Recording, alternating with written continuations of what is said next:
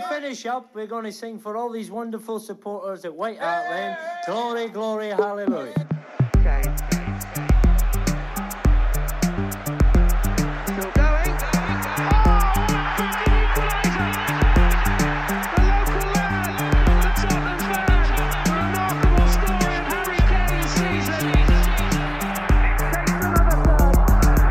Hi, I'm Nicky King, and you're listening to the Golden Cockerel podcast. Hei og velkommen til en ny episode av Golden Cockerel. Tre ligakamper er spilt av den nye sesongen. Tre seire, tre skårede mål, null baklengs og tabelltopp. Og nå gleder jeg meg til å diskutere det som har skjedd og det som skal skje med vårt strålende panel. Og med meg i dag har jeg Magne Mellem Enoksen, som er redaktør i Tottenham Supporteren. Velkommen.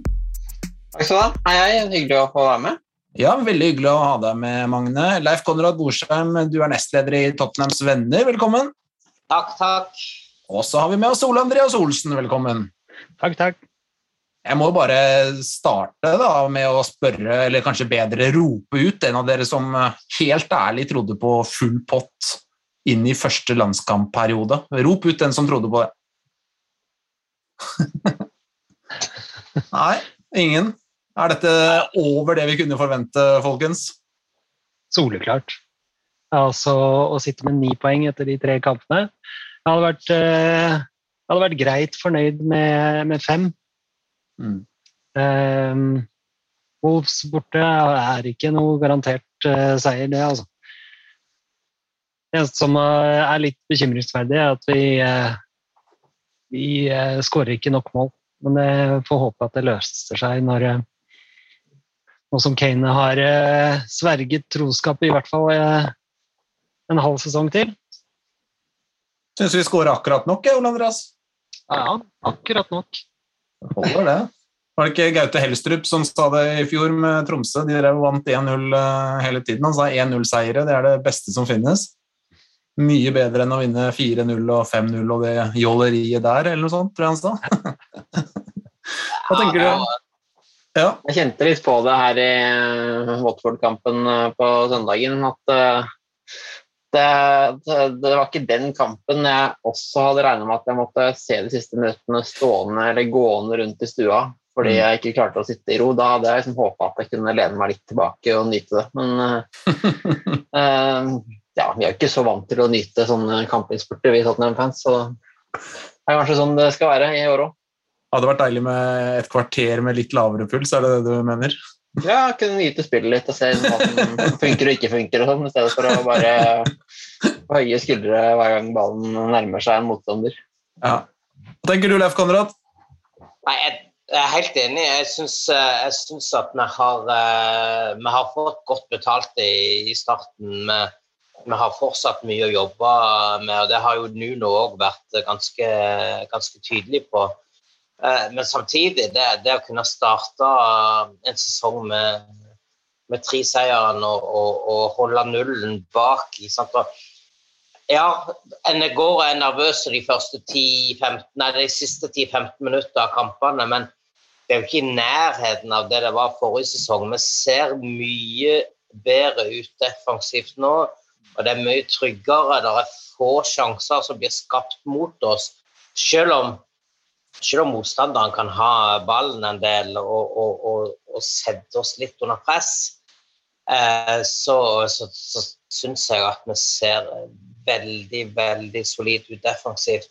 Så det er positivt. Så det, det er jo offensivt vi må, vi må jobbe litt uh, framover nå, uten at det går på bekostning av det defensive. Men, men eh, det er vel so far so good, tenker jeg. Og så er det mye å, mye å rette på.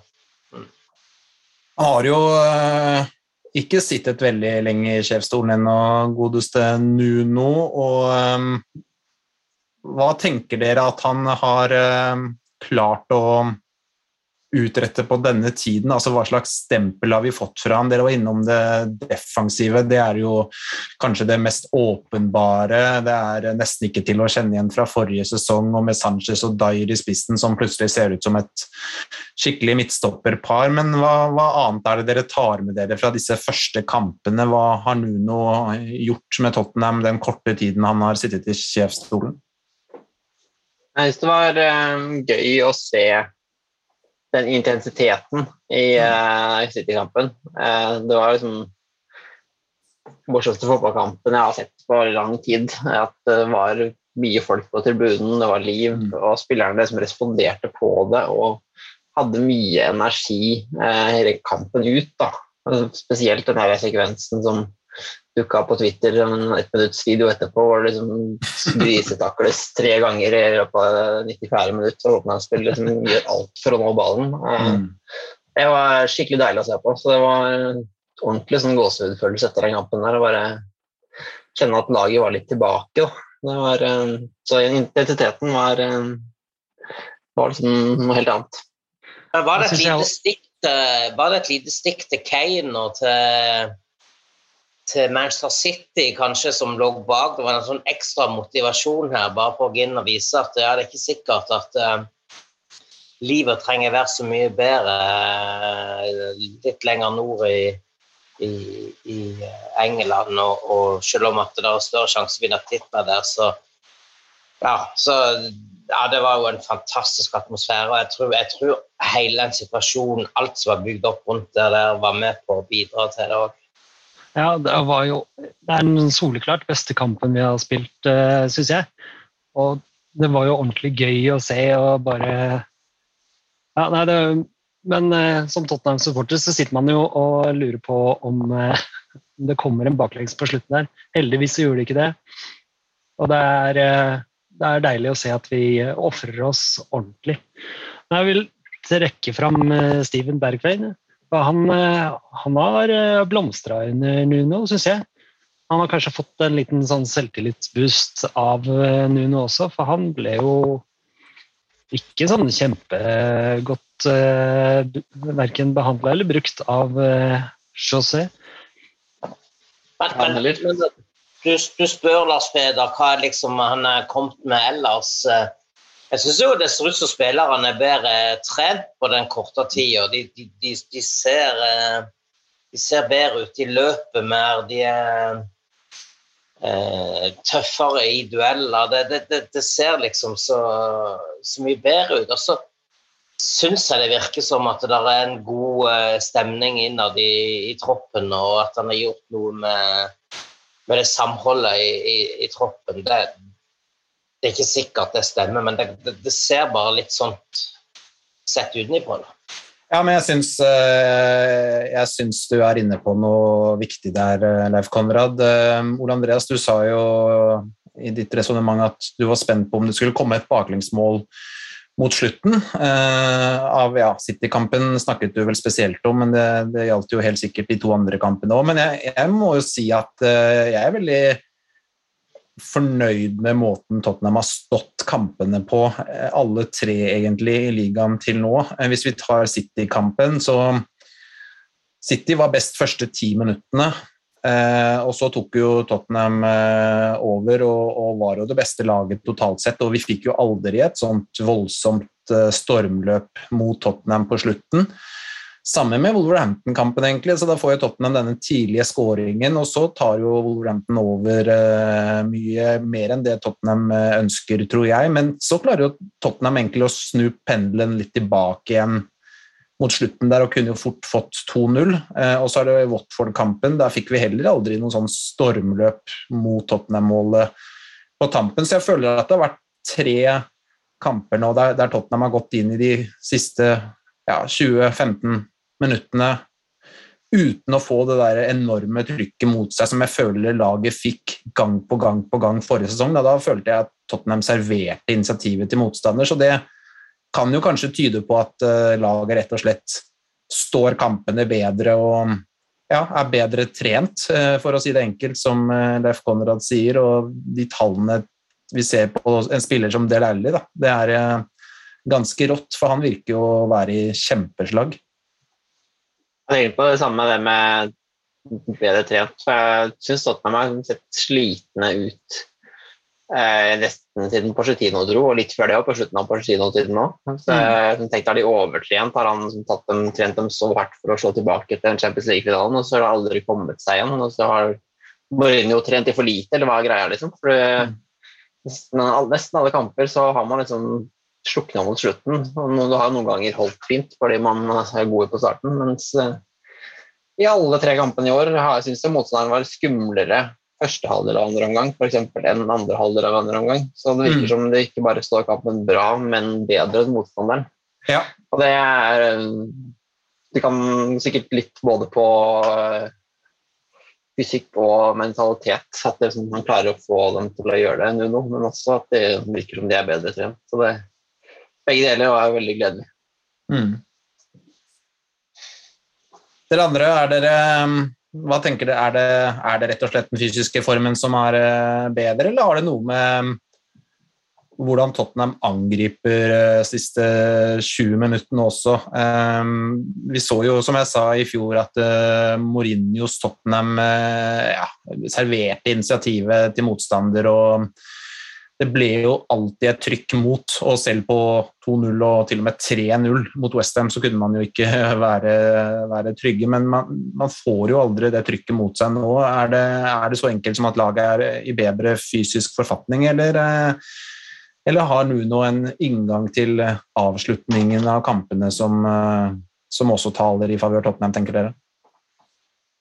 Jeg, jeg, tror det er sånn delt der, egentlig. Fordi, fordi jeg syns fortsatt at vi gir litt for mye initiativ fra oss. Men, men vi står mye bedre. så selv, selv, om vi gir initiativet fra oss, så, så skaper ikke motstanderen så mye. Det handler jo om at vi sannsynligvis er bedre trent, at konsentrasjonen er der, og at vi ja, jevnt over forsvarer oss uh, mye bedre enn det vi, vi gjorde. Så, så uh, Men, men, men nå, den store syretesten kommer jo nå de neste tre, egentlig. da. selv om det vi skal ha ja, Det er vel to båndlag i, i Hellas og Arsenal, og, og, og, og så Chelsea innimellom der, da. men det er tre London-derby der nå, og det er, det er tøffe kamper på oss. og liksom Klarer vi å ta noen, noen ekstra steg nå? Nå stikker jo folk på landslagssamlinger uh, her og der, og noen drar til Rødland og kan havne i lengre kar karantene når de kommer tilbake igjen. så det ja, men, men får se hvordan det går. Men, men, jeg tenker den store testen kommer egentlig litt nå, nå framover. Nå, nå, må vi egentlig bare være veldig glad for at vi har fått en kanonstart på sesongen. Inngangen til sesongen var egentlig helt forferdelig når du ser på alt skriveriet var om Kane, og Kane vil vekk, og Kane gidder ikke starte eller starter ikke første kamp mot City, der vi liksom trenger å få en kanonstart. Og så får vi det likevel og så klarer vi å følge det opp nå. Så, så vi har liksom bare skapt et fantastisk utgangspunkt for, uh, for videre sesonger. Så, så, vi må liksom bare ta det vi har fått nå, og, og jobbe videre på det. Og det gjelder å få nullstilt litt grann etter landslagspausen og bare ikke, ikke se på tabellen og, og jobbe videre på samme måte. Som altså starte på nytt, sånn som vi gjorde mot City. Det tror jeg blir veldig viktig. Og um, nå er det jo disse argentinerne våre som er uh, i Rødland. Uh, de skal uh, tydeligvis til Kroatia etterpå, for der får de lov til å trene sammen i ti dager. Og Kroatia er ikke rødt for England nå, så da kan de, komme, da kan de trene sammen i Kroatia og komme fit for fight hjem til til England istedenfor å være i hotellkarantene. Det, det rekker vel mister to kamper, da, ikke Men Palace og Renn i Conference League, vel. Og så er det tilbake til Chelsea hvis de er tilbake i tide, som man håper. Mm. Så da blir det jo en kamp med Rodon og Dyer som stopper vel? hvis Roden er frisk igjen. Mm. Eh, Tanganga, kanskje. Tanganga kan jo fort bli eh, midtstopper nå. Mm. Ja, um, vi var så vidt innom det i stad, men vi må snakke litt mer om det. Eh, apropos eh, midtstoppere og altså Sanchez og Dyer, da. Ehm, to stoppere som fikk ekstremt mye tyn forrige sesong, var eh, fryktelig svake begge to, det må vi jo kunne si. Innblanda i eh, veldig mange enkle baklengsmål og klarte egentlig aldri å, å få den sesongen noe særlig i gang i det hele tatt, noen av dem. eh, Og ble jo linka bort begge to, og det alle snakket om før sommeren, var at Tottenham måtte kjøpe midtstopper, midtstopper, midtstopper. Gjerne to, gjerne tre, altså selge unna både gjerne Sanchez og Dyer. og så har jo Sanchez og Dyer plutselig begynt å levere veldig godt, da. både ja, som en duo og hver for seg, begge to der. og eh, Begge er jo i Tottenham fortsatt. Det er en time igjen av eh, deadline day når vi snakker nå. Eh, Begge blir eh, værende. Eh, Romero har kommet inn. Men for å starte med Dyer og Sanchez, hva, hva er grunnen til at eh, de to plutselig har blomstret så voldsomt? Er det de to isolert sett som har tatt store steg, eller har det noe med eh, hvordan hele laget ser ut og, og måten Nuno organiserer laget sitt på, tenker dere? Her vil jeg gi stor eh, kred til eh, Nuno for å få de til å spille sammen og, og spille godt. Det hjelper selvfølgelig kjempemye med seieren mot City å holde nullen der.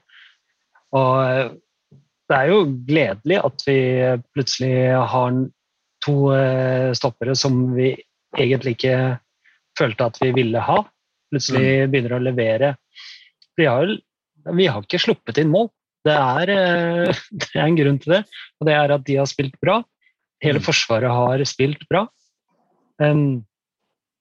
Så eh, stor takk til Nuno der, mener jeg. Altså.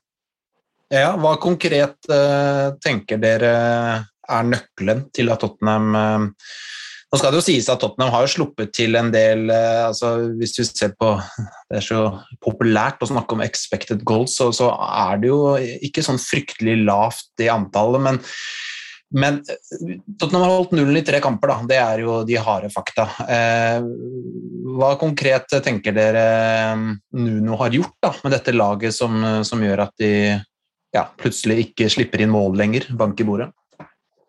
Jeg tror vel at det har eh, litt å si bare organisering som helhet. At eh, eh, ja, Mitt favorittpoeng å dra opp i stopperdiskusjoner er jo at kartongen så veldig dårlig ut under Sherwood. Så kom Fortitino og fikk orden på forsvaret, og plutselig var han en verdensklassestopper. Så mm.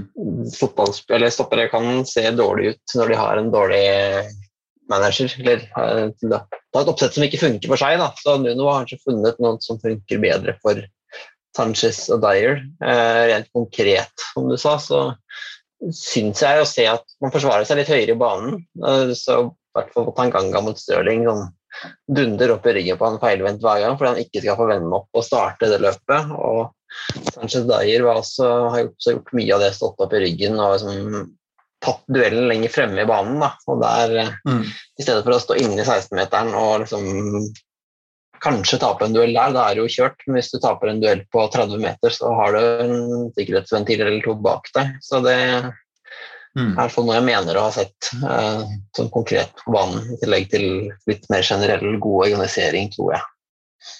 Ja, Hva tenker du, Leif Konrad? Er du enig med Jeg er helt enig i, i analysen til Magne her nå. Det, det, du ser det så opplagt at du skal i disse Spesielt disse kjappe vingene og sånt skal ikke få lov å snu seg. Og, og, og, og, og for så vidt midtstopperne òg, de har vært helt oppe hele veien ikke sant, og sørga for at de er feilvendt. Og da, da er det mye vanskeligere, selvfølgelig. Og så kan det godt være at den midtbanen òg nå Nå spiller jo mer 4-3-3, eh, og at du har fått inn Skip der sammen med Høibjerg, som kanskje har gitt et litt eh, bedre skjold. eh. defensivt enn det man hadde forrige sesong. At, det kan ha hjulpet litt på òg, da. Men, men nei, den aggressiviteten som en ser i, i forsvaret Jeg syns Regilon han, han så ut som et bomkjøp på slutten av eh, forrige sesong, og, og nå er han litt sånn tilbake igjen til der vi, der så han når, når han eh, kom til Tottenham. Så, så, så, det er liksom så deilig å se på at, eh, at, det er mulig å snu dette, og at, at det, dette, kan bli, dette, kan bli, veldig bra. Mm. Og da blir jo spørsmålet Romero det dyreste kjøpet i sommeren, da, som eh, skulle komme inn og endelig få skikk på Tottenham-forsvaret. Han øh, må jo plutselig eh, kjempe om en plass på laget nå. Han hadde kanskje ikke helt øh, sett for seg det. Og ja, hvem skal han inn for? Eh, når vil dette skje? Så lenge Dyer og Sanchez og Tottenham ikke slipper inn mål, så er det vel ikke noen grunn for å gjør noen endringer bak der. Det er litt sånn uh, Never change a winning team, er det det?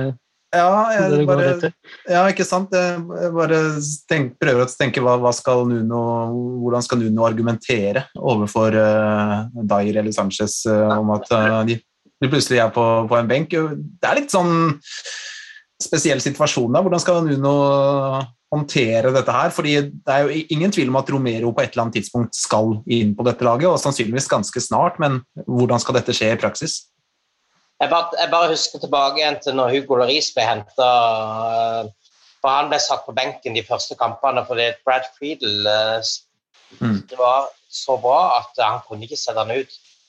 Eh, men du visste jo det. På et eller annet tidspunkt så kom den der endringen til å komme. og litt, sånn er det litt, tror jeg, her òg, da. ikke sant? Altså det, eh, det, det må liksom bare Jeg tror de, jeg tror de forventer òg det Sanchez Daya. Og så blir det jo liksom konkurranse mellom dem. nå. ikke sant? Hvem er det som skal være makkeren til Romero? Ikke sant? Det gir jo litt ekstra motivasjon for å, for å levere nå. Så, så konkurranse om plassen er jo eh, helt strålende.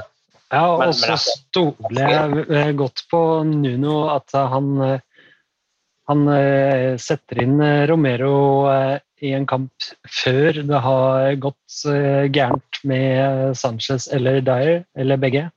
At, at det ikke må en tabbe til for at en av de blir satt ut. At nå er Romero så godt vant i Tottenham og i måten vi skal spille på. Du ser at han har en utrolig eh, altså ro med ball eh, når han eh, støter. Altså, jeg er veldig, eh, veldig, fornøyd med det jeg har sett av Romero, selv om det har vært mot eh, Pasos og eh, Det er vel bare der jeg har sett han, i eh, Conference League, for så vidt. Men alt, alt, stemmer liksom med Romero for min del. Så jeg er helt sikker på at han kommer til å gå inn og ta en plass i Midtforsvaret ganske snart. Eh, kanskje allerede mot eh, Arsenal. Vi får se. Kan det hende han får en litt sånn oppstykka sesong da, hvis han skal til Argentina på landslagspauser og på karantene flere ganger. Men vi mm. får nesten håpe at uh, de ordner en deal borte i England, at de slipper det etter hvert. De jobber jo med det, og de får jo til mye i fotballen i England, så hvis man skal liksom være borte tre uker to ganger til før jul, så er det kanskje vanskelig å komme i gang. Det hadde jo vært deilig om Forsvaret ikke var den delen av laget vi bytta mest på i år. Ja, det var det faktisk. Det var jo forsvarsfireren og delvis femmeren vi lurte mest på før hvert laguttak forrige sesong, og det er ikke akkurat uh, som det skal være da.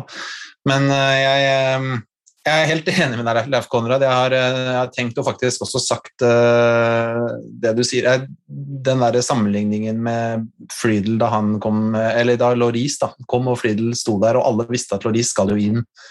Uh, men det er bare et tidsspørsmål om når, og Friedel sto. Og så kom det vel én dårlig kamp der, og da var Loris inne, og, og der står han fortsatt.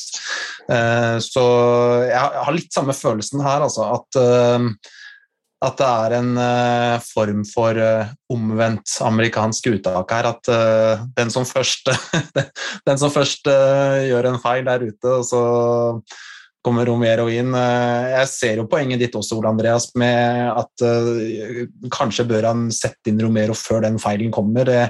Selvfølgelig er jo det en, en god tanke, det, og, og helt sikkert lurt, men hvis, hvis, de to som, som, har spilt disse tre kampene, fortsetter å, å levere som de har gjort eh, også i den neste og de to neste kampene, så, så, tror jeg jeg kan nesten ikke se for meg at, uh, at uh, Nuno da plutselig eh, hiver en av dem ut før Arsenal-kampen, f.eks. Jeg syns det, det, det, er vanskelig for han, men det er jo et luksusproblem da, i forhold til det som var i fjor. Da var det jo bare et problem. så det får vi i hvert fall glede oss over.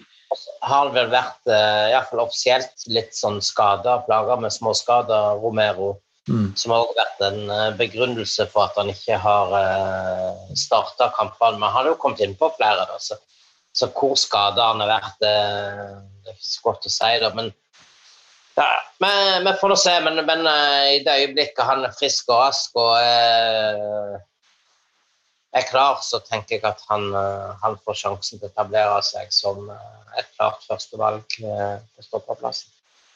Ja, har vi jo Conference League hvor man kan prøve litt. da. Man har sett mm. det samme med Baudar og Sanchez der og se hva som funker og ikke funker. Selv om motstanderen er på et litt annet nivå, så kan det liksom der utkrystalliseres et par som viser seg å være bedre enn et annet, f.eks. Ja. Apropos Conference League, da, så, uh, bortsett fra reising, så syns jeg egentlig at uh, den er uh, vel så fin som uh, ligacupen. Og, og, la de spillerne som vanligvis ikke får starte, få kamper. Og de som banker på døra fra yngre rekker, få, få seg tid på banen med førstelaget. Det tror jeg Eh, vi er godt tjent med. Altså. Det var en liten sidetrack, men eh, ja. Ja, jeg er enig i det. Nå kommer jo faktisk Tottenham uh, i en relativt ja, tøff gruppe, blir kanskje feil å si når det er Conference League, men den kunne vært enklere. da. Og jeg syns egentlig det er greit, ja, for da, da, får de der nest beste og de juniorspillerne som skal være med, de får litt ordentlig matching, og, og det, det, er jo en effekt av det også. Så skal de vel møte Renn og Vitesse og Mura, Mura eller Mora, spørs, jeg vet ikke hvordan den uttalen er der nede. Um, så um, Uh, nei, vi, det, det, Romero kommer nok helt sikkert til å spille veldig veldig mange kamper for Tottenham denne sesongen, og han er nok uh, sikkert inne på laget om uh, ikke lenge, men det skal bli veldig interessant å se akkurat hvordan den ja, innfasingen skjer, og, og, hva som skal til for at Nuno gjør en endring der, da. Men hvis vi skal eh, sånn avslutningsvis, eh, med tanke på det vi har sett eh, de tre første kampene, snakke litt om hva er det som må bli bedre? Hva er dere mest skuffet over? Altså det, vi står jo med ni poeng og full pott og tabelltopp, men likevel så føler jeg at det er en del ting som må utvikles. Hva, hva vil dere peke på? Jeg vil jo uh, si dette at vi skaper for få uh, sjanser og skårer for få mål. Um, men altså, full pott. Jeg skal ikke klage.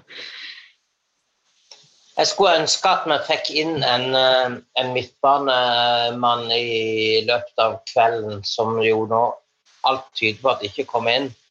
Eh, som kommer bidra til at, at vi, vi, vi, fikk litt mer eh, Eh, kontroll på midten. Jeg syns vi, vi, vi, taper de fleste midtbanedueller, iallfall i forhold til det å kunne styre kamper. Um, og, og, og, offensive relasjoner syns jeg òg det mangler mye på. Det, det blir litt sånn uh, Det ligner fortsatt litt på, på spillet vi hadde under Mourinho, sånn rent offensivt. Det, vi, vi trenger, vi trenger, å få, få, satt disse offensive relasjonene og få, få, en større bevegelse i det offensive spillet og ja, i det hele tatt. Så, der, eh, så der, det var egentlig det jeg ønska meg eh, mest nå i løpet av, eh, av dagen i dag. At det kom inn en ordentlig midtbanedirigent. Um, Mm. Som kunne eh, vært et supplement til de to ryddegutta Skip og, og Høibjerg. Dele har hatt en grei eh, sesongstart, men, men eh, jeg mener at han, han i en 4-3-3 og i den rollen han har hatt så langt, så, så er han nok det svakeste punktet på, på laget per i dag. Eh, Her er jeg er ganske sikker på at jeg i hvert fall har Magne med meg. at eh, Jeg tror jo Lo Celso kan være den eh, spilleren. og Det er sikkert folk som eh, har hørt meg si det før, men jeg, jeg tror eh, at eh, hvis Lo Celso nå kan holde seg skadefri en god stund, så eh, kommer han til å være den maestroen, den som både kan frakte ball og levere de gode pasningene. Eh, og være den offensive kraften i eh, de tre på midten. Jeg vet ikke hva du eh, Om du har Ja, noe å ja, ja. Jeg er helt, helt med på det. Altså. Jeg skal ikke legge skjul på at jeg er eh, stor fan av Lo Celso, selv om det har gått veldig opp og ned. Men eh, det var den der berømte mørke vinteren før koronapausen. Da var han den eneste som leverte omtrent på akseptabelt nivå et par måneder der. Og jeg synes liksom, Vi så det litt i ligacupfinalen, som er en litt rar kamp å trekke fram. men liksom City kjørte jo hele kampen, men eh, han klarte i hvert fall å holde litt på ballen og sette i gang folk med den. Idet han gikk ut og Sissoko kom inn, som jo er en ganske annen spillertype, så da var det ingen, ikke noe spill igjen. Da var det liksom helt stopp. Og, ja, så jeg, jeg tror han kan gjøre en jobb på den midtbanen. Og så kan man jo se litt hva man gjør med de andre. Da. Om skal skipet og Høibjerg spille sammen i alle kamper, som mot Watford kanskje hadde holdt med én av dem, og så kunne du hatt to med litt mer offensive fibre. Mm. Eh, Enten det er Lo Celso og Alvi, eller Lo Celso og en mystisk nummer som finner seg selv, eller en, en annen person. Det, det, ja, jeg er litt spent på om han kommer til å holde på 4-3-3-en eller Nuno, eller en justere på det òg. Det er veldig mange midtbanespillere i klubben som er litt forskjellige, og noen litt like. Så jeg gråter ikke så mye at det ikke kommer inn noen der, men jeg er litt spent på hvordan det blir stabla framover. Og som sagt så betinger jo det at Procels og en faktisk klarer å levere noe. Og hvis de ikke gjør det, så mangler vi jo åpenbart noe der. Da er det som Harry Winks det nærmeste vi kommer den binderedd-typen, og det har han nok ikke vært i det siste. Mm. Ja, for I City-kampen og delvis uh, Wolverhampton-kampen så handlet jo veldig mye for Tottenhams del om å ja, kontre og ta motstander eh, på overganger, og det er jo en del av spillet som Tottenham uh, har vært veldig bra egentlig over en lengre periode. Men så var det jo den store syretesten, vil jeg nesten si, var den Watford-kampen, for å se hvor langt har Tottenham kommet i den type kamper. For det er jo en type kamp som vi har sett Tottenham slite i da, veldig ofte de siste årene. Og um, det er jo den type kamper det i sum er flest poeng å hente over en sesong, fordi de kampene er det ganske mange av mot lag som eh, ja, Tottenham skal være antatt bedre enn. Um, og jeg føler jo ikke at uh, Jeg føler jo ikke at da, liksom, uh, Tottenham eh, hva skal jeg si, besto den testen som mer enn akkurat hva de trengte å gjøre. Altså, det, var, eh, det satt langt inne der. Det er en uh, scoring som ja, Om den er heldig eller hva det er for noe, det kan man jo sikkert diskutere. Sånn vil vi vel mene at det var med meningen, det som skjedde. Og, men uh, Tottenham Det som er bra med det frisparket, er jo at han legger den på mål. Ja, ja. For da kan sånne ting skje.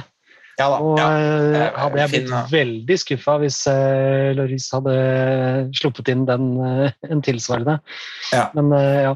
Nei, men Skåringen er fin, den, men, men uavhengig av den da, så skaper jo egentlig ikke Tottenham eh, så veldig mye. Vi må jo egentlig kunne forvente at Tottenham skal skape mer hjemme mot et lag som fort kjemper om å holde plassen. Så um, akkurat den delen av spillet, der har Nuno en uh, stor jobb foran seg, for det, det er en del, spillet, en, en del, av spillet, som jeg syns uh, heller ikke Mourinho klarte å få skikkelig fart på, som ja, egentlig Tottenham har slitt med i flere år. Da. Hva tenker dere? Jo, jeg syns jo at uh, du kan tenke på Høibjerg og Skip litt på samme måte som Dyer og Sanchez. At de har spilt så bra, da, så det er vanskelig å sette dem ut. Hvem, hvem tar du ut der?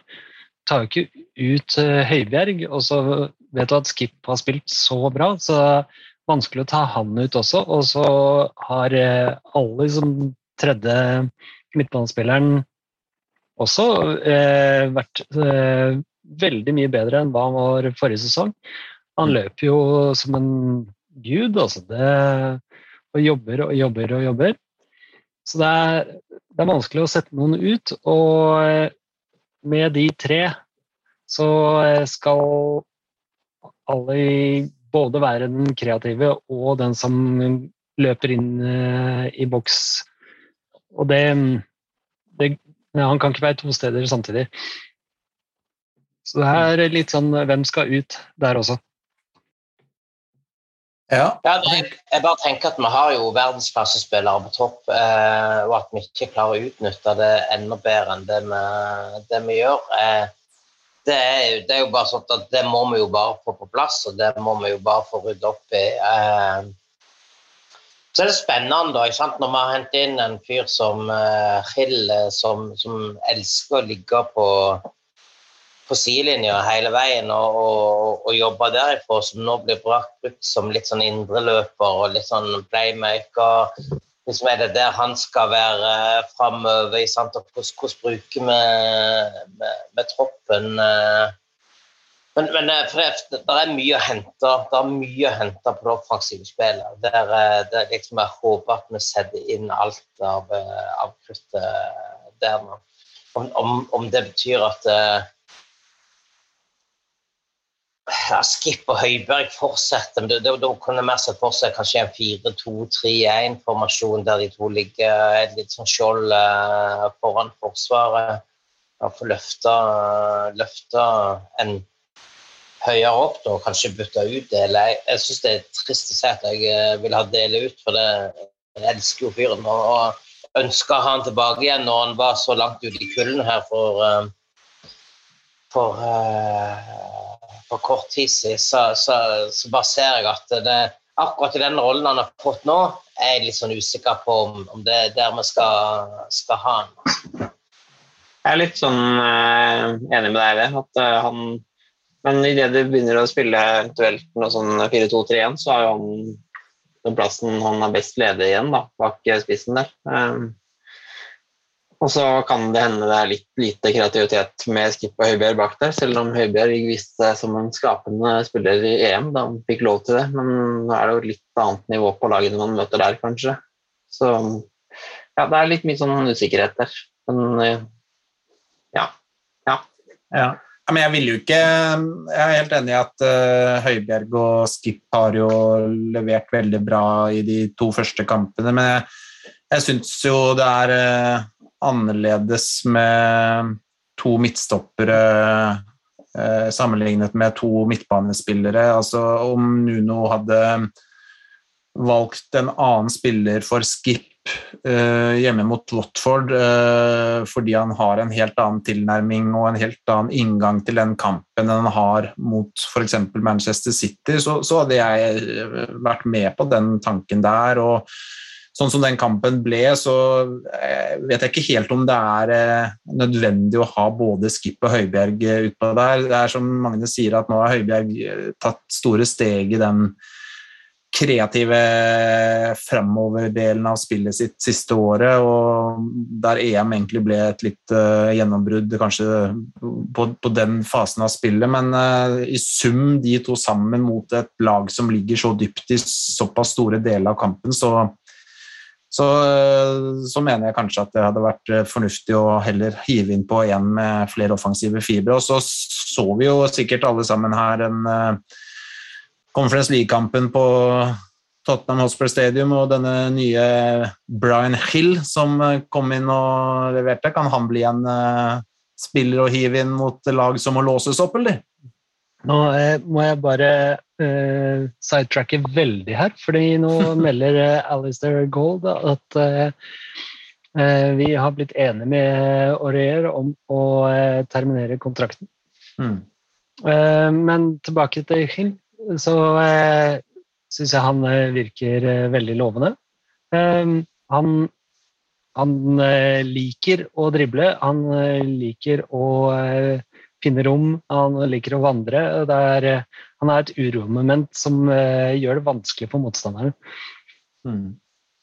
Veldig, veldig eh, fornøyd med den signeringen der.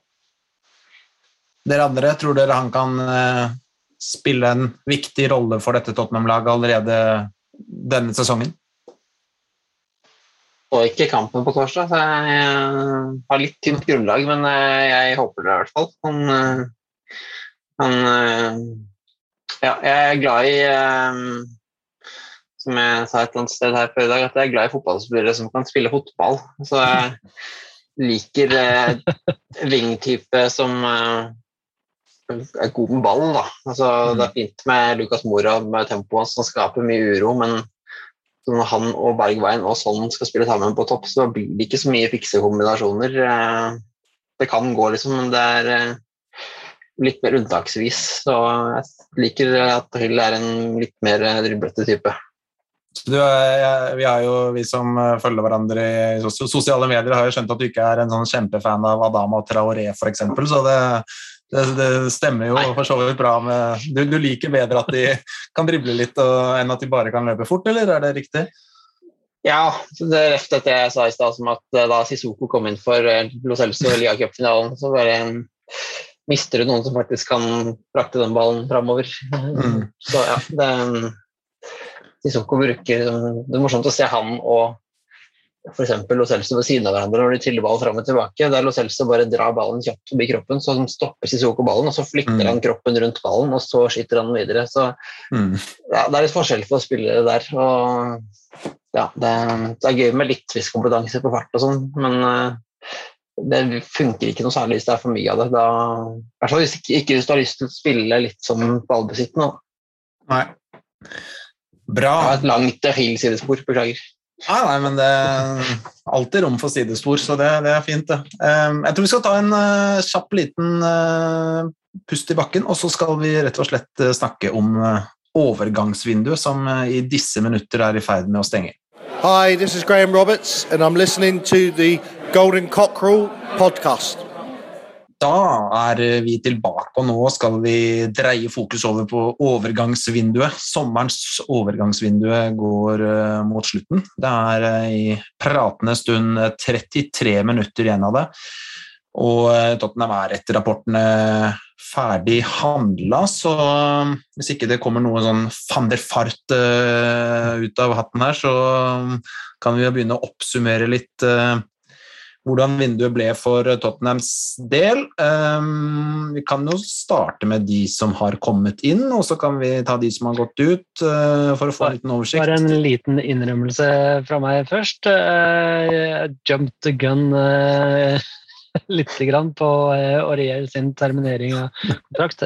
Vi var close. ikke, den er ikke terminert.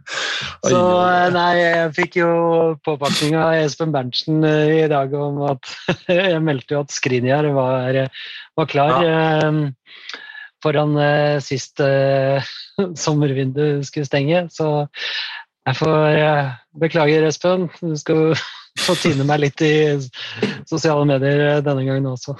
Det kan hende du får rett nå, da. ja, håper det. Nei, ja. Nei, men vi kan ta det i litt tilfeldig rekkefølge, de som har kommet inn. Det er da Brian Hill. Som jeg, jeg, jeg må Er det lov å si Hill, eller kan man si Brian, eller hva? Jeg orker ikke å ta sats hver gang jeg skal si det. Han har si. Brian på drakta, så Ja, du kan fint si Brian, altså. Hill, jeg føler jo at jeg Ja, Nei, jeg sier Brian. ja. Brian. Christian Romero. Pierluigi Golini. Og så da dagens eh, ferske overgang, Emerson Royal. Utrolig kult navn. Eh, og så Papé Sarr, som eh, ja, han flytter ikke til Nord-London, han skal spille en sesong i Metz. Lånes tilbake igjen til klubben Tottenham har kjøpt han fra. Så han kommer om et år. Og de som da har forlatt Tottenham, er eh, Joe Hart, Moussa Sissoko, Toby, Lamela, Foyt, og så er eh, Gazzaniga og Rose også ute. Um, og så får vi se med Aurier, da, Ole Andreas, om vi kan eh, føye han på lista utover, utover kvelden. Um, men uh, jeg tenkte vi kunne starte litt uh, tabloid, litt uh, svart-hvitt, og rett og slett lage en sånn skala på um, overgangsvinduet, ettersom hvor fornøyd vi er. Um, nå starter jeg på ti, og så kommer jeg til å telle ned til én. Og der dere mener at uh, ja, altså det antall poeng da, som dere vil gi uh, overgangsvinduet, da roper dere ut navnet deres. Ti er best. Ok. Klare? Ja. Ti. Ja. Ni. Åtte. Syv. Ole Andreas. Nei, Oi, var det både Ole Andreas og alle, alle på alle tre? På sju. Ja, alle tre på syv.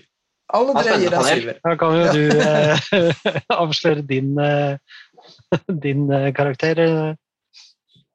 Ja, eh, jeg ligger, du jeg ligger så midt mellom seks og syv at eh, jeg hadde tenkt å hvis, hvis du hadde sagt tallene, så hadde jeg sagt navnet mitt akkurat idet du begynte å si S-en i seks. Det var det jeg tenkte å gjøre. faktisk. Ja. Den er, jeg, jeg klarer ikke Men eh, ja, 6,5 hvis det går an å sette en, eh, å si, en terning på høykant eh, hvis det hadde vært eh, terningkastet her. Um, men dere kan få lov til å argumentere for syverne. Da. Det var jo stor spredning i, i skalaen her. Det, dere får eh, argumentere. Du kan jo begynne, Magne. Hvorfor gir du eh, vinduet en syver? Ehm, Jeg er glad for at vi har fått en stopper, og at det har blitt høyt prioritert. At man liksom har valgt å gå for en som er fra ja, Jeg funderte på i stad om vi skulle kalle det øverste hylle, men han ble jo beste stopper i Copa America og var beste stopperen i Serie A i fjor, så det er i hvert fall eh, høyt oppe. Og en god investering, selv om det bare er et lån i første gang, så blir det vel et kjøp for en solid sum penger der. Ehm, ja, så vet man ikke hvordan det går, men uh, i hvert fall det er vilje til å gjøre noe da, der. Uh, og så er jo høyrebekk den andre posisjonen hvor det har skreket litt etter forsterkninger.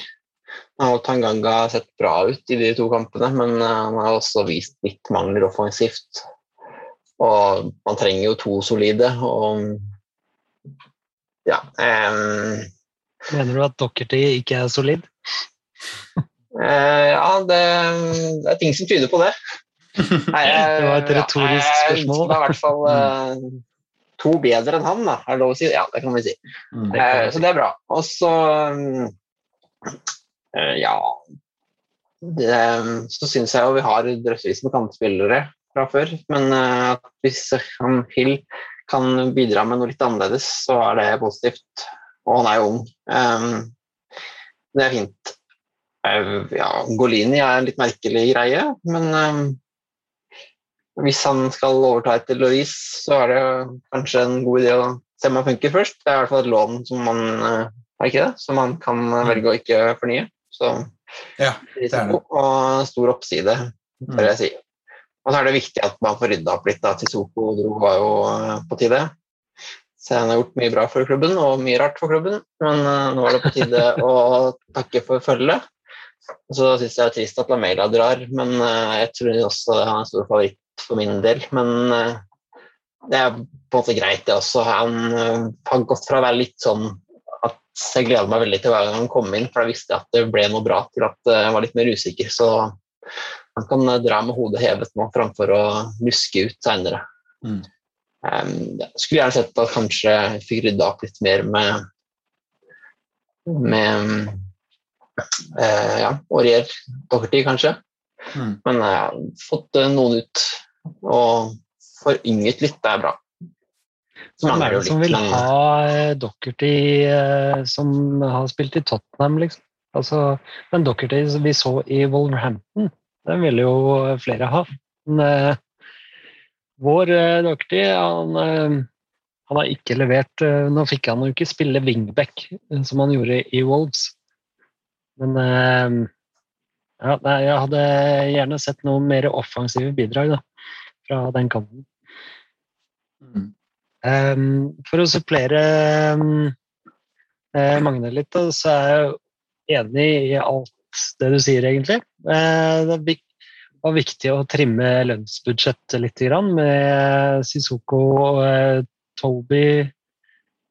Toby har nå gått for en eh, payout nede i eh, Midtøsten der. Um, og eh, Lamella var kanskje ikke den eh, top earner, men eh, han, had, han har eh, helt sikkert, hadde helt sikkert bedre betalt enn det Brian har nå. Hva tenker du, Leif Konrad? Er du, ja, du er jo ganske fornøyd. Ga en syver.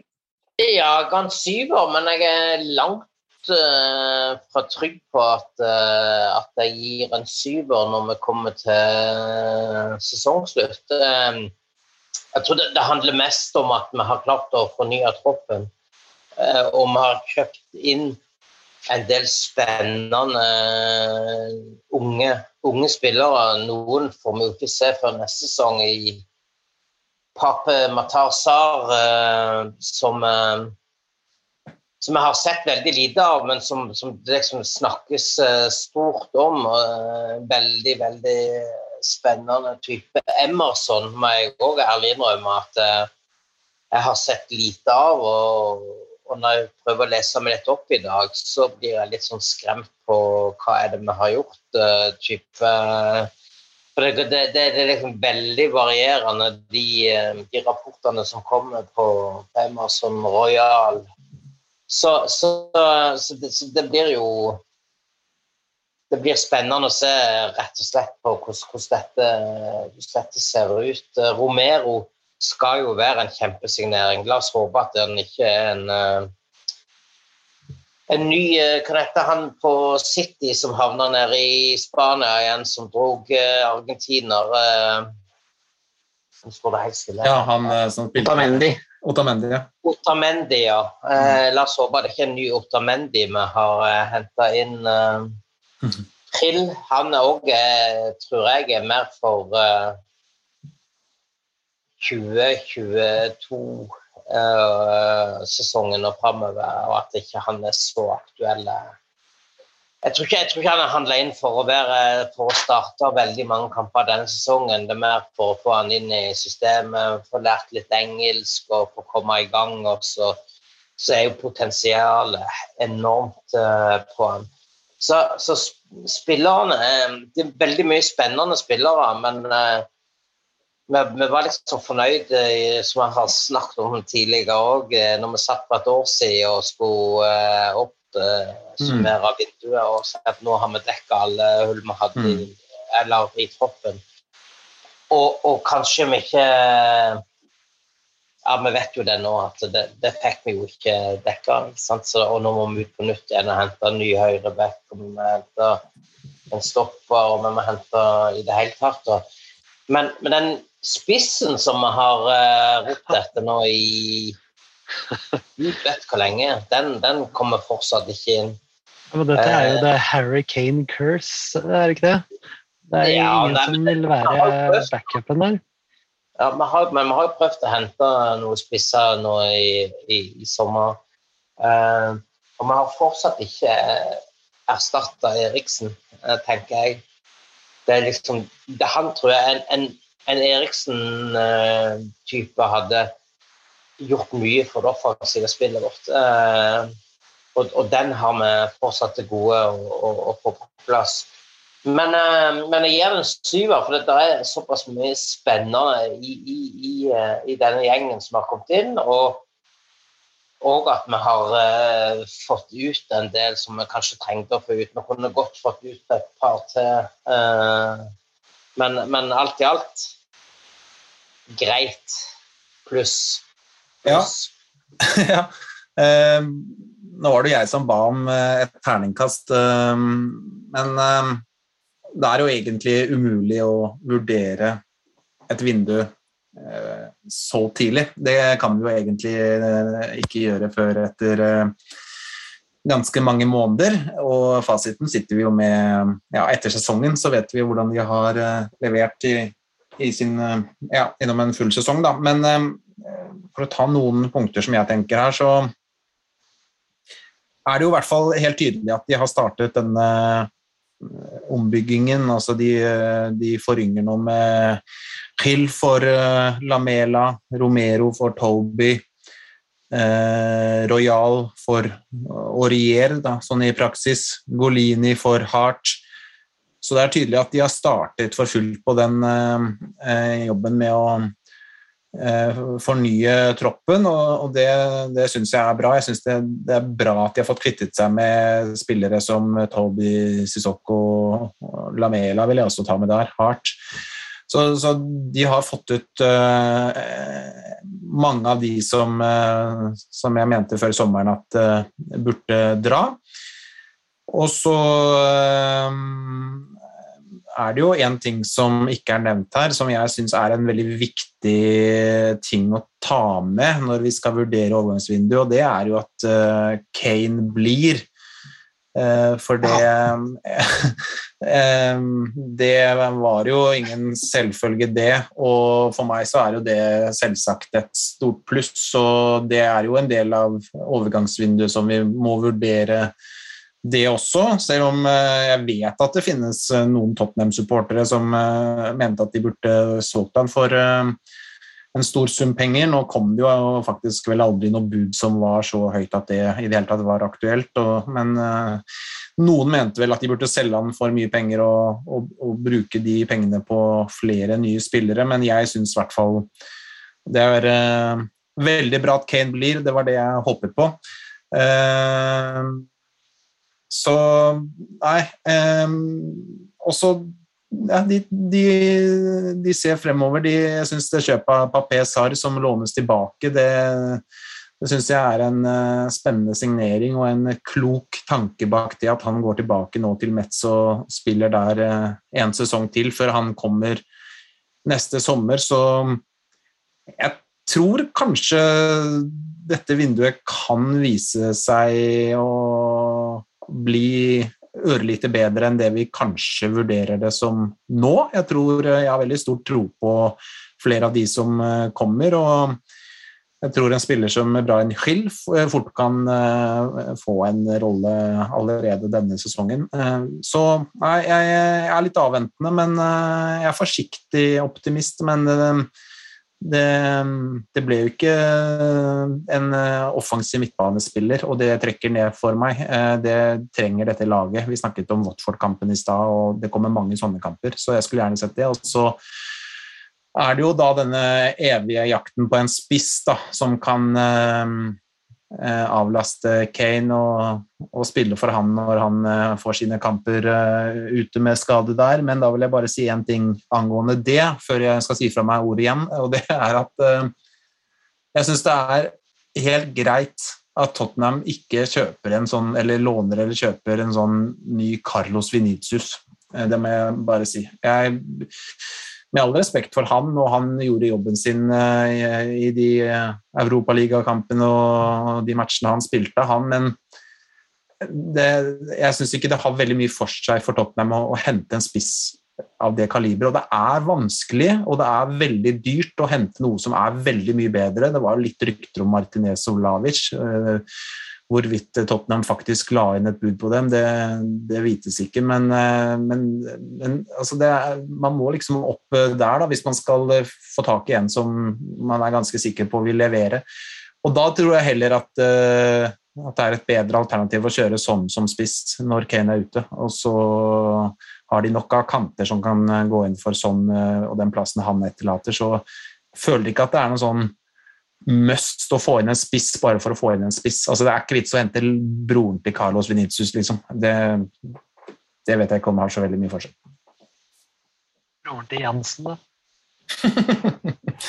ja, nei, men, men, men eh, det, er jo, det, er jo, selvfølgelig interessant det du sier om, eh, om Kane og, og, viktigheten av at han blir eh, det er jo helt, helt, helt avgjørende egentlig for, eh, for sesongen vår at, eh, at vi får han med videre. Eh, og så reagerer jeg veldig på, på Citys fremgangsmåte uh, ut ifra det som jeg iallfall kan lese om i, i, uh, i media rundt uh, hva det egentlig som har skjedd her. Og, og Pep som på et par pressekonferanser, når han skjønner at løpet er kjørt og Harry har bekreftet at han blir i, i Tottenham, er pottesur både på Daniel Levy og mm. på alt og alle.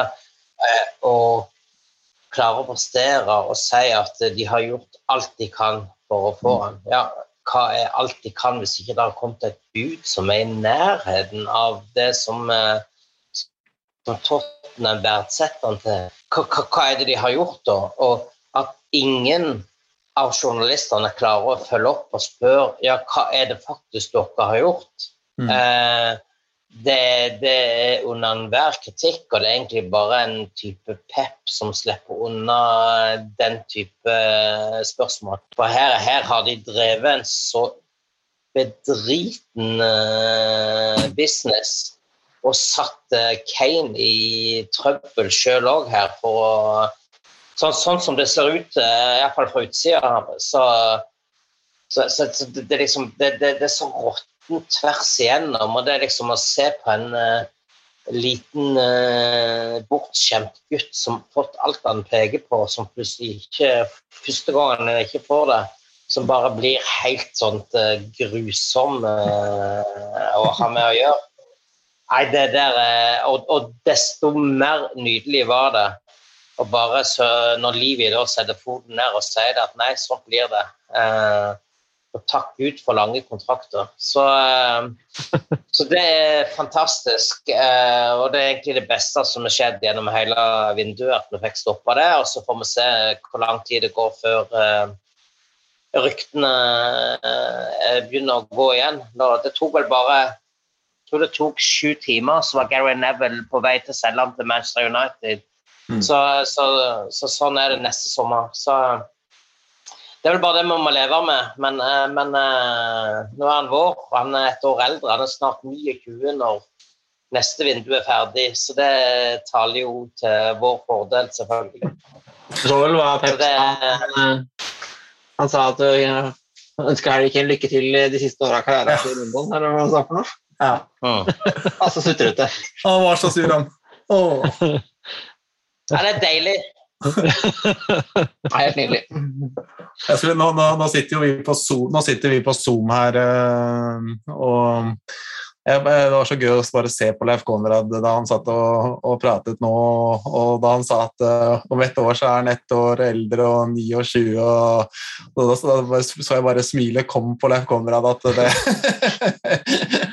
det var det Jeg tror det var godt jeg var 29. ja, det var, det var godt, Leif Konrad, både for deg og for uh, de aller aller fleste Tottenham-supportere at vi slipper å se Pep med Harry Kane under sine vinger. For det, Altså, jeg, jeg, tror jo Med unntak da, kanskje av Arsenal-supporterne, kanskje, så, så, tror jeg det at, uh, at Kane blir i Tottenham, det er noe som alle er glad i fotball syns er en fin ting. At ikke disse oljemilliardene kan skaffe deg alt du peker på. Og det er jo som du sier, altså det der eh, den, det bildet du gir av en eh, bortskjemt unge som uh, er vant til å få alt han peker på, og så for en gangs skyld så får han ikke det, og så blir han bare verdens verste menneske. Uh, det, det, er jo, det, er jo, et uh, bilde som er egentlig ganske godt og ganske lett å se for seg. Fordi at uh, her, her, kjøper de Jack Reelers for 100 millioner den ene dagen, og så, og så er de potte sure fordi at de ikke får kjøpt Kane andre dagen. og Hva Aurier faktisk bekrefta? Aurier bekrefta. Hvordan da kan du puste letta ut? ja, nå kom det en tweet her. Så, men jeg, jeg, jeg syns jo, jo City opptrer merkelig. Eh, Leif Konrad var inne på mye av det, men eh, i tillegg da, til det Leif Konrad sa, så det at de først går ut da og henter Grealish for 100 millioner, og på den måten både bruker opp tydeligvis mye av altså Man tenker jo at de har uendelig med penger, men eh, de bruker jo mye av det på en spiller eh, i en posisjon der de egentlig har veldig god dekning. Og i tillegg da så, så legger de jo lista på altså Hvis han er verdt 100 millioner, så er Kane i hvert fall verdt 150. Så litt sånn strategi der, så hadde de jo kanskje prøvd å hente Kane først, da, i hvert fall. Og eh, eh akkurat den posisjonen til eh, Jack Grealish der, den uh, har de jo av både Mares og Foden og De Bruyne og Silva og Stirling og alt som er, så det er litt sånn merkelig da, sett utenfra. Så man kan jo lure på hvor genuin den interessen fra City faktisk var, da. Om det kanskje bare egentlig var Skysport Sky Sport og delvis Kane kanskje, som uh, var desperat etter dette her, og ikke City selv. Eller om de var interessert, men Levi bare var så nei at det mm. ja. ikke ble noe av. Men, det var noen sånne eh, rykter om at han ikke tok telefonen engang da City ringte. Håper det stemmer. ja. Men eh, det er, det er, som du sier, det er jo hvis da City liksom har sagt til Ken at hvis du skaper litt uro, så kommer vi og byr masse penger for deg og henter deg, og så gidder ikke å by etterpå. Det er jo litt uh, råttent òg. Ja. Men vi vet jo ikke hva som har skjedd, så, men hvis det er sånn, så ja. det kan vi jo tro. Men vi må jo bare være glade. Eh, Kane i Tottenham, da Absolutt. Ja, eh, Hva tenker dere andre? Hvor, hvor, viktig er det for Tottenham? Altså, han er jo kanskje verdens beste spiss, i hvert fall en av de aller, aller, aller beste. Men hva mer betyr det for Tottenham å, å fortsatt ha Kane, annet enn akkurat eh, det ute på banen i de 90 minuttene hver søndag? Det er en slags sånn Han er jo en viktig person i Tottenham som symbol. og sånn, Det er jo Harry Kane er Tottenham. Tottenham er uh, i hvert fall i Peps øyne Harry Kane. Um, det, er, det er veldig prestisjemessig nederlag å måtte selge han. Uh, jeg tror Levi han har jo ikke stått så høyt i kurs hos uh, fans det siste halve året, og kanskje litt lenger enn det også. Så Hvis du topper Superliga og Mourinho og alt det greiene der med å selge Kane, da ja, det, da, da, blir det mye misnøye blant fansen. Da.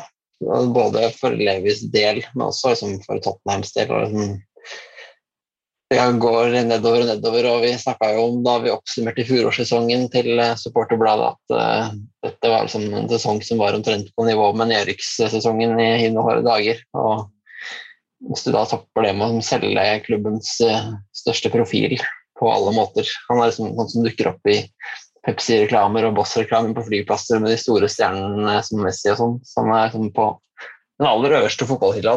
Og, ja, som ikon. Det er liksom da Gareth Bale opp Times Square. Det er, han er en sånn type spiller som bare er stor og ja, mister mye ved å se ham.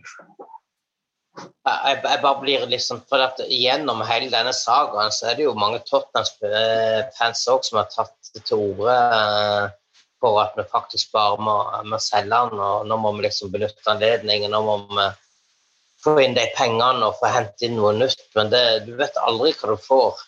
Nei. Men du vet hva du har. Og, og, og, det du har i Harry Kane, kan du aldri få, eh, spør du meg, da. Han er, han er en garantist eh, for seriøsitet, for mål. Eh, for å være en eh, en fantastisk ambassadør for klubben, selv om at flere stilte noen spørsmålstegn med akkurat det nå gjennom, eh, gjennom denne her uh, sommeren. Men, men uh, her tror jeg det er noen rådgivere som må ta ansvar for, ja. for en del av det som har skjedd her. Da. Så, så velger jeg å tro på og, stole på at Kane når han gikk ut i dag og sa det at han er motivert som bare det på å hente trofeer til Tottenham. Eh, at det er det som, som er tilfellet, og at han, han uh, blir tidenes klubblegende i, i Tottenham. Mm. Er 42 mål unna Jimmy Grimson eller noe sånt, så halvannen normal Kane-sesong, så er jo det innenfor rekkevidde, det trodde du skulle si halvannen måned, ja. Men, eh, ja, hvis han får spille alle Conference League-kamper, så kan vi da plutselig skåre hat trick i uka. ja. Men altså, det er jo, det er jo sånn, uh, som jeg sa, og du sa det også, Leif Konrad, at noen Tottenham-supportere mente at, uh, at, Tottenham burde ta disse pengene. Men jeg har lyst til å bare si én ting rundt dette. Altså, nå, nå, vi, vi, må droppe å la det bli sånn at hvis nå Kane uh, brekker beinet da, i morgen, banker bordet, eller får en litt dårligere sesong, og det vil han med all respekt få enn det han hadde sist sesong, for den sesongen var helt ellevill. Så, så, at han kanskje ikke leverer de samme tallene denne sesongen nå, det er egentlig bare helt naturlig, for den forrige sesongen var helt ekstrem, så det, det hadde vært vanskelig å følge opp uansett. Men vi, vi, kan ikke nå Hvis han får en skuffende sesong da, eller skader seg eller et eller annet, la oss droppe å si sånn vi skulle solgt ham for 100 millioner, eller vi skulle solgt ham for 150 millioner. Fordi altså, det, sånn, sånn, kan man ikke tenke, sånn kan man ikke holde på. For da kan, da kan, jeg snu det på hodet og så kan jeg si at ja, hvis de hadde solgt Kane da, for 100 eller 150, og så hadde de kjøpt ja, Martinez, da, som erstatter for 90, eh, så kunne de like gjerne Martinez knekt foten første kampen. Altså Det der, greiene der er liksom, det blir bare helt sånn tullete å, å, snakke om. Um, så, så, så, det Jeg tror uh, de aller, aller fleste som uh, har hjertet sitt i Tottenham. De uh, ønsker å se Kane. Kane er uh, Tottenham, Tottenham er eh, Ja, sånn, Peppe sa Magne, ja. Tottenham er Kane, og Kane er Tottenham. Men nei, vi, vi, må jo bare Vi er så heldige som får lov å se Kane i Tottenham-drakta en gang i uka eller to ganger i uka der at det må vi bare være glad for at vi får fortsette med. Ja, og så blir jeg så glad når jeg skjønner at de som går på kamper, ikke de som sitter på Twitter, for å si det sånn. Ja. Den, den, den, responsen som kom både borte mot Wolverhampton og, og nå hjemme mot Watford sist, det er liksom bare at det er akkurat sånn du skal ha det. Han skal føle seg eh, elska av Tottenham-fansen og, og, og, være fullstendig klar over at alle vil ha han der. Hvis du begynne, altså, Han måtte ut med et statement her på, på sosiale medier etter at det hagla inn med drit. Mm. Liksom, hva er det, Ja, men, da, Jeg blir så irritert på det. for hva, hva, er det folk holder på med? Han er fortsatt vår egen spiller, uavhengig av hva som måtte gå, foregå bak kulissene. Så får du iallfall vente til en overgang er klar før du begynner å spre alt den driten som du eh, ønsker å, å gjøre det. Men, men, inntil den tid, glem det, mm. tenker jeg. Altså det, det, det, det, er jo i verste fall så bare taler det imot at han uh, Å få han til å bli i klubben, da. Sånn at han bare skjønner her, men her jeg må bare komme vekk herfra. Mm. Altså, folk vil jo ikke ha meg her. Mm. Uh, og heldigvis de som møter på kamper, og de som uh, står bak laget uh, på tribunen, de, de, uh, de, har skjønt det, og, og, det var deilig å se de to kampene. Altså. Hmm. Are you watching? Are you watching? Are you watching ja, ja. Nei, men det er jo helt riktig, det. Og, og vi så jo det Jeg syns det var veldig moro å se eh, i forbindelse med Wolverhampton-kampen borte. Eh, supporterne, Tottenham-supporterne som var der, hvordan de tok han imot. Det var jo første gang han var i troppen etter alt dette bråket. Um, og uh, de sang uh, navnet hans før han ble bytta inn, og da han satt på benken der. Og i den uh, Conference League-kampen hjemme der, som var hans første møte med eget hjemmepublikum da, etter alt dette bråket. Så, så var det jo Harry Kane sitt navn som fikk størst jubel da det ble lest opp før kampen. Og det var eh, Harry Kanes sang som eh, runget utover stadion eh, de første sekundene der, og, han klappet til fansen under kampen der helt innledningsvis, og, fansen klappet tilbake. og ja, det, det jeg elsker Tottenham-supporterne, og, og, enda mer da jeg så det der. Altså det, det synes jeg var Og du så også da Kane skårte det første målet der, selv om de møtte et dårlig lag, og det er Conference League, og det er jo ikke der han ønsker å være i hele tatt. Kane er jo ikke en som Det er veldig sjelden Kane tar av på de feiringene sine, og det gjorde han ikke der heller. Men du så han var hakket gladere der enn han um, faktisk eh, ofte er etter en scoring, eh, selv i ligaen. Eh, det betydde noe for han, dette her, og jeg tror han faktisk setter pris på mottagelsen han har fått etter eh, disse urolige ukene. Hva tror, hva tror du Harry Kane ville gitt dette transfervinduet hvis han skulle oppsummert det her nå med terningkast eller eh, karakter fra 1 til 10? Da tror jeg Lars Peder hadde telt eh, på minusskalaen fortsatt. Nei, tror du det? Ja, Ja, jeg tror han satte lavere enn oss, det tror jeg. Men eh, Nei. Han, han har jo en litt mer kortsiktig eh, tanke, tenker jeg da. Altså, Ja. han, han har ikke, kan ikke vente på at, eh, at uh, SAR skal bli uh, 24 og på toppnivå, eller uh, eller at Hills Hawk skal, skal komme midten av 20-åra. Da, da, liksom, eh, da begynner det å synge på siste verset. Så jeg tror nok han hadde ønska seg inn eh, noen mer etablerte eh, spillere som kunne gått inn og styrka troppen, eller førsteelveren, for å si det sånn, i større grad enn det dette vinduet har gjort.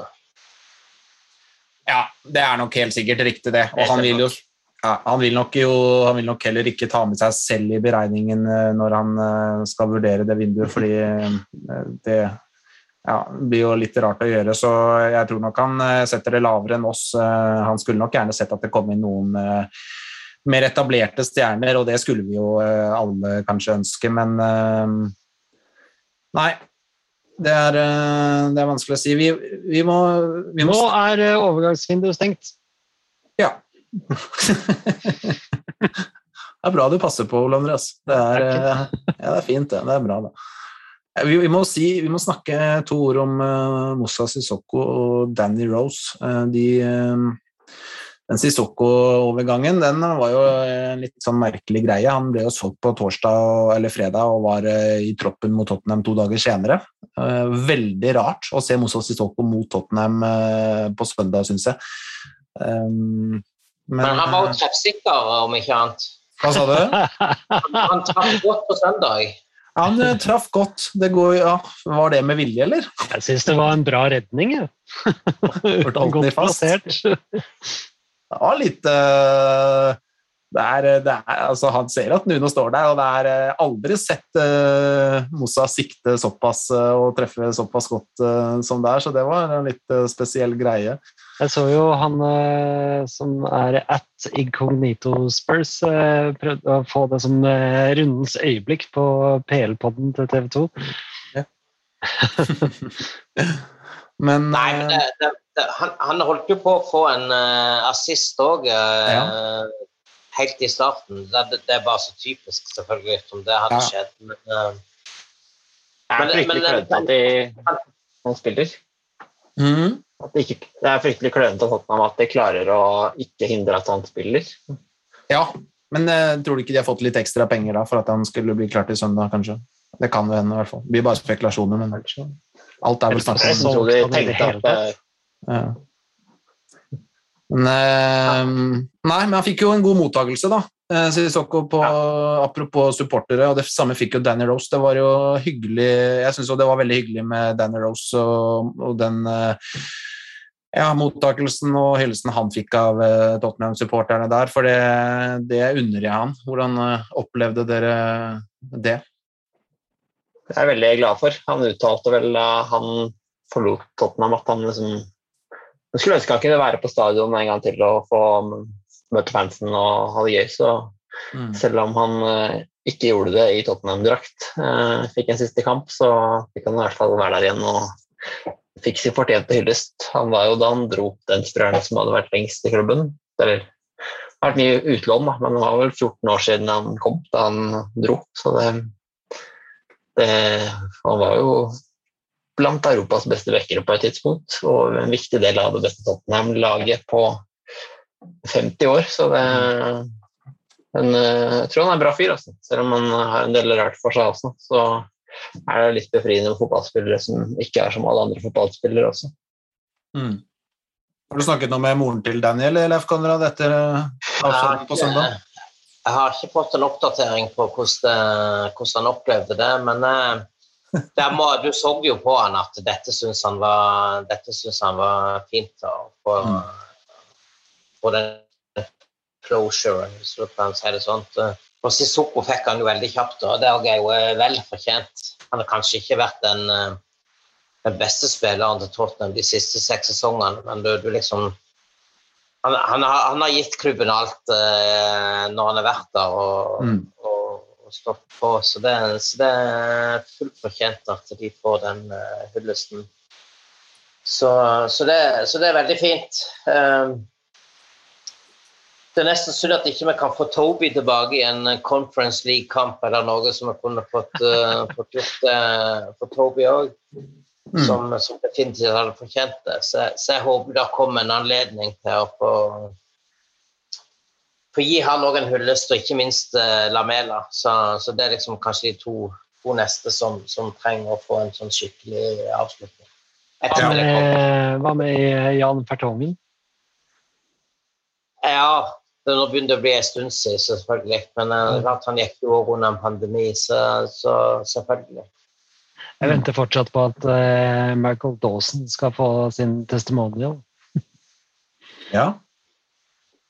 Men eh, nå kan eh, Vi slang ut uh, noen eh, polls i starten av eh, sendinga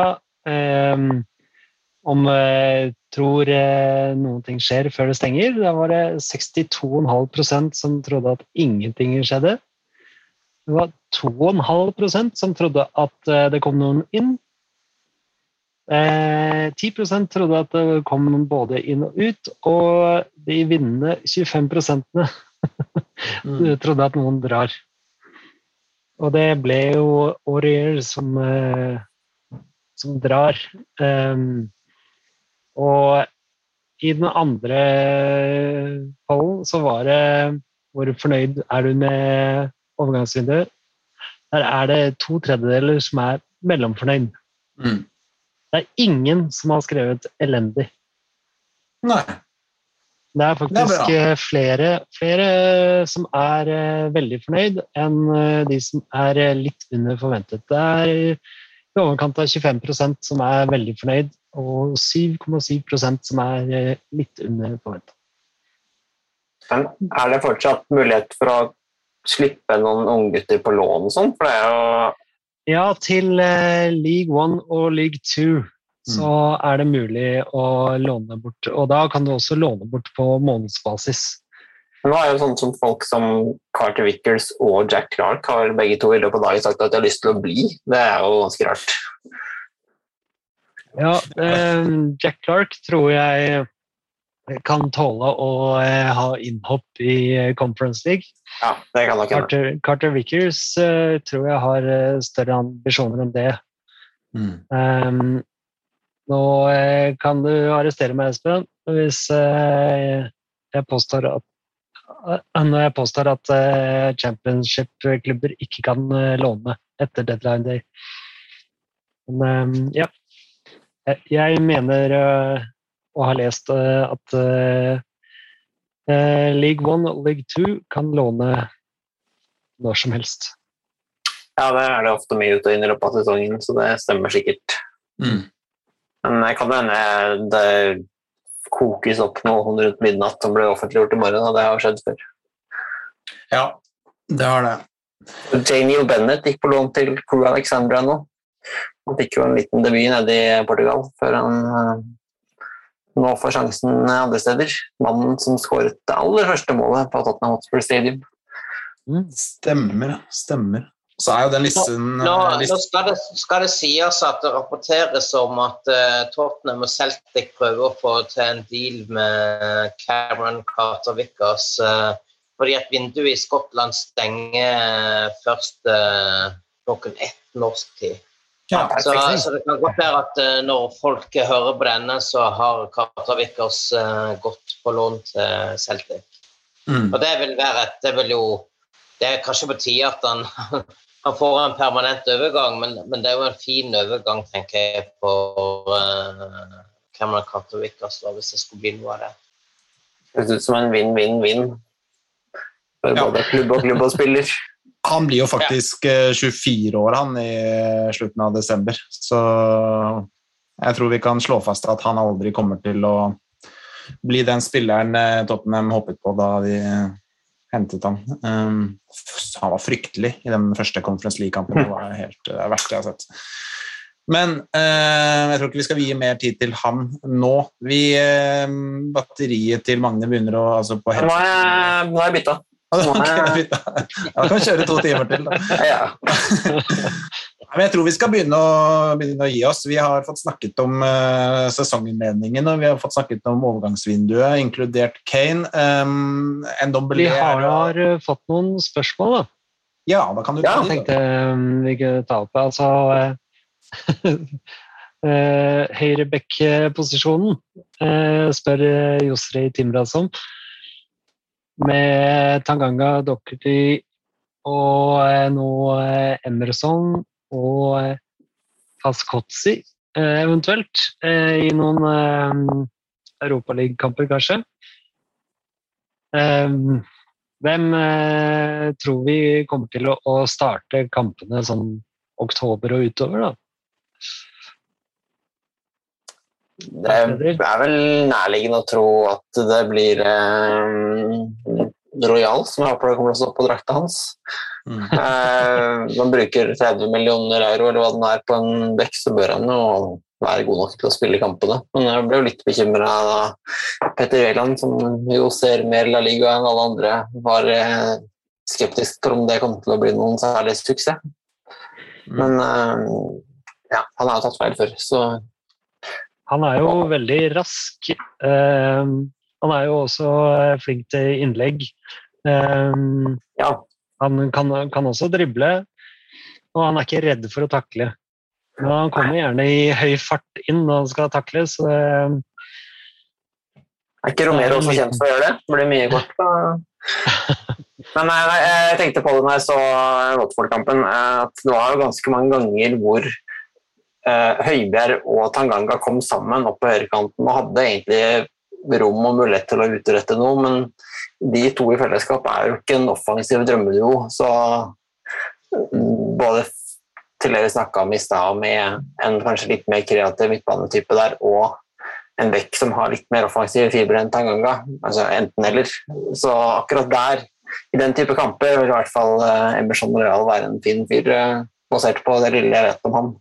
Og så viste jo Tanganga at han er eh, fin med ryggen mot veggen eh, mot lag som City og sånn. Så mm, det kan være en god kombinasjon. Ja, men jeg tror det er et veldig godt poeng at de får inn en uh, høyrebekk som er bedre offensivt enn det de har i Tanganga. Så jeg tror uh, i kamper som mot City så vil Tanganga være strålende, men i kamper mot Watford så, så savnet jeg en mer uh, offensivt anlagt uh, høyrebekk. Så, og ja, de bruker uh, tross alt ganske mye penger på han Emerson Royal her, så med det antall høyrebekker de hadde fra før, da, før Aurier ble frigitt, så, så, er det rart om de skal hente en, en til, til, såpass mye penger uten at de uh, har tenkt å bruke han. Så jeg tror, tror, nok han kommer til å spille mye, og så, Tanganga også eh, i noen kamper. Og så er det vel Doherty som, eh, som nok skal slite mest nå med å få spilletid. Det blir vel kanskje noe Conference League og litt sånt på han, da. Men ja. Um, har du flere spørsmål, Ole Andreas? Eller var ja, det, var, det var det du var inne på når, jeg avbrøt her. Det var Tangang, nei, Tangi ja, Dombele. Hva skjer med han? Det er Thomas Panetti og Klaus Blomli som, som, spør. Ja, Leif Konrad, hva skjer med Tangi Ndombele? Ja, nei, jeg, jeg tror at um, noen må ha en uh, seriøs og lang og god samtale på Hotspur Way i uh, løpet av morgendagen. Og da tenker jeg mest Nuno og Tangi. Fordi at nå, nå, er det jo på en måte avklart.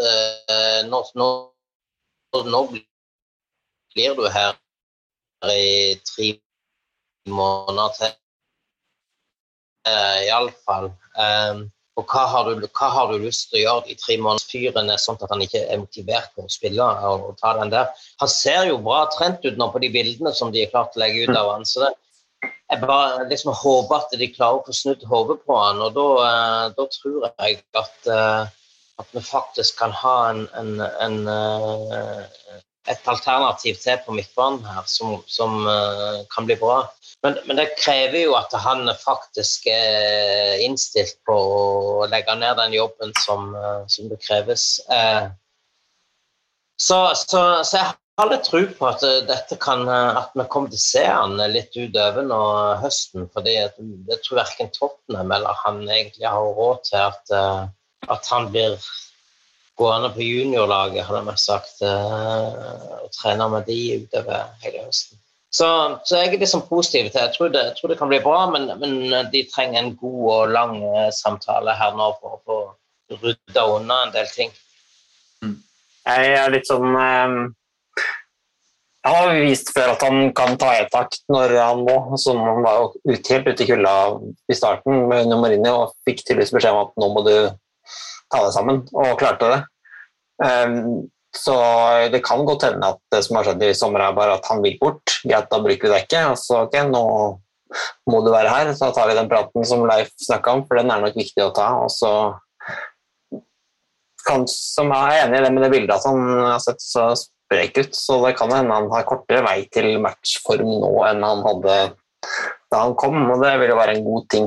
Jeg har vært en av de som ikke vil selge han fordi ja, greit, Han er veldig variabel, men du kan selge han for ganske masse penger. Ikke så mye penger som hytta han for, men Tottenham er liksom ikke i en posisjon til å hente de aller beste spillerne nå heller, så jeg tror han på sitt beste, eller i hvert fall i nærheten av sitt beste, er bedre enn det man kan få tak i som erstatter.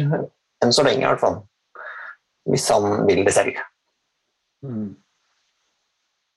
Ja. Vi får håpe han kommer tilbake. Vi får håpe han eh, kommer tilbake ganske fort, fordi det er ingen tvil om at han vil eh, trengs på denne toppen av midtbanen. Han har noen kvaliteter som eh, ingen andre har. Egentlig nesten ingen andre gjelder fotballverden når han er på sitt beste, for han er jo en helt uh, unik uh, spiller. Um, så vi får krysse fingrene for det. Er det flere spørsmål, uh, Ole Andreas? Nei, eh, det var egentlig når vi går i studio, og det har vi jo gjort. Eh, Eller ikke, vi går og sitter hjemme. Um, en eh, ting er jo at vi Vi har snakka om at vi har uh, fornya stallen, men vi har også foryngra den ganske kraftig.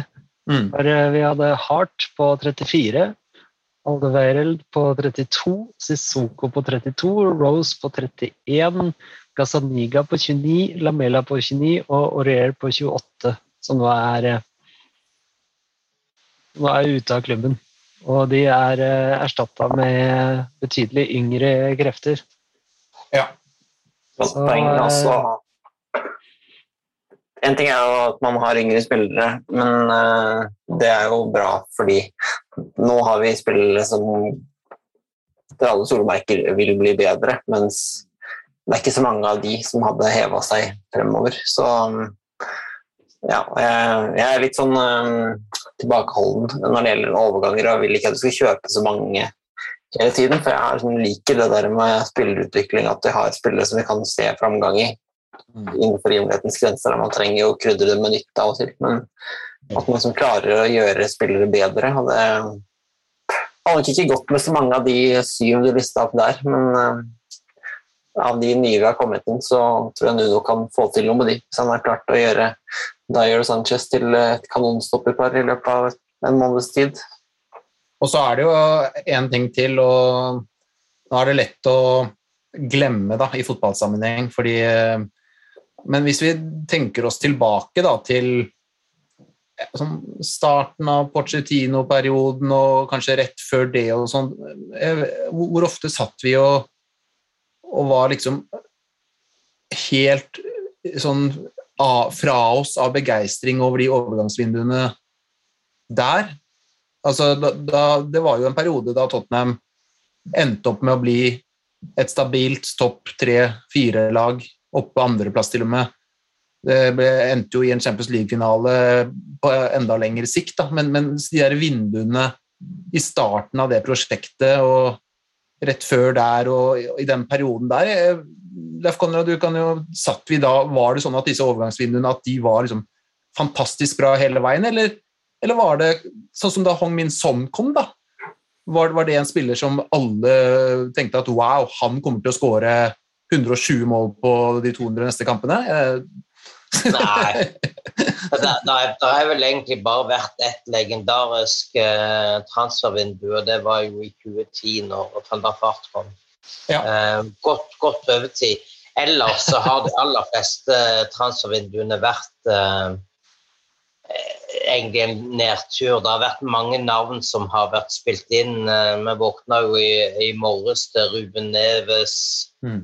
Adama Traore eh, osv. Og, eh, Adama Traore. Hæ? Jeg har hatt en lang kampanje mot Adama Traore på Twitter de siste ja. dagene. Så det var deilig at det ikke ble noe av ja, der, der er vi litt uenige, men, eh, men, men, men iallfall da, da dukker alltid opp mye navn, og så, og så, går det litt ut på ettermiddagen på, på deadline day, og så er liksom mm.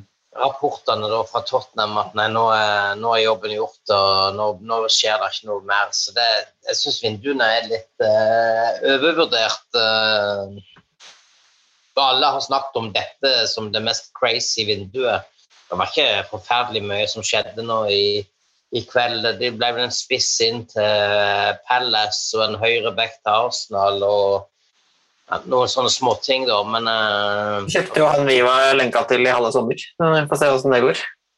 Ja, det er absolutt. absolutt. Men han var jo tydeligvis et andrevalg eh, for Tottenham i og med at vi gikk for Emerson istedenfor.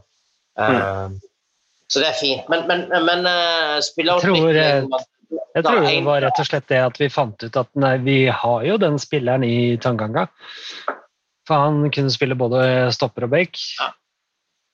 Men han har, han har, en del uh, offensive kvaliteter som Tanganga ikke har. Da, men, uh, men, i forhold til spillerutvikling, så, så er en spiller vi har ikke har snakka om i det hele tatt i dag, det er jo Ryan Cessenio som som er tilbake igjen i, i troppen nå, som er fortsatt uh, bare 21 år gammel, og som det fortsatt er lov til å ha ganske store forhåpninger til at det kan bli en, en, en bra spiller for Tottenham. Så, så han er jo egentlig mm. den sjette nye signeringen denne sesongen, hvis en kan, hvis en kan si det sånt. da. Så jeg, håper vi får han i gang, selv om han har jo sterk konkurranse nå på, på venstrebekken. og for så vidt på, på venstrevingen òg, med både Bergbein og, og Hill.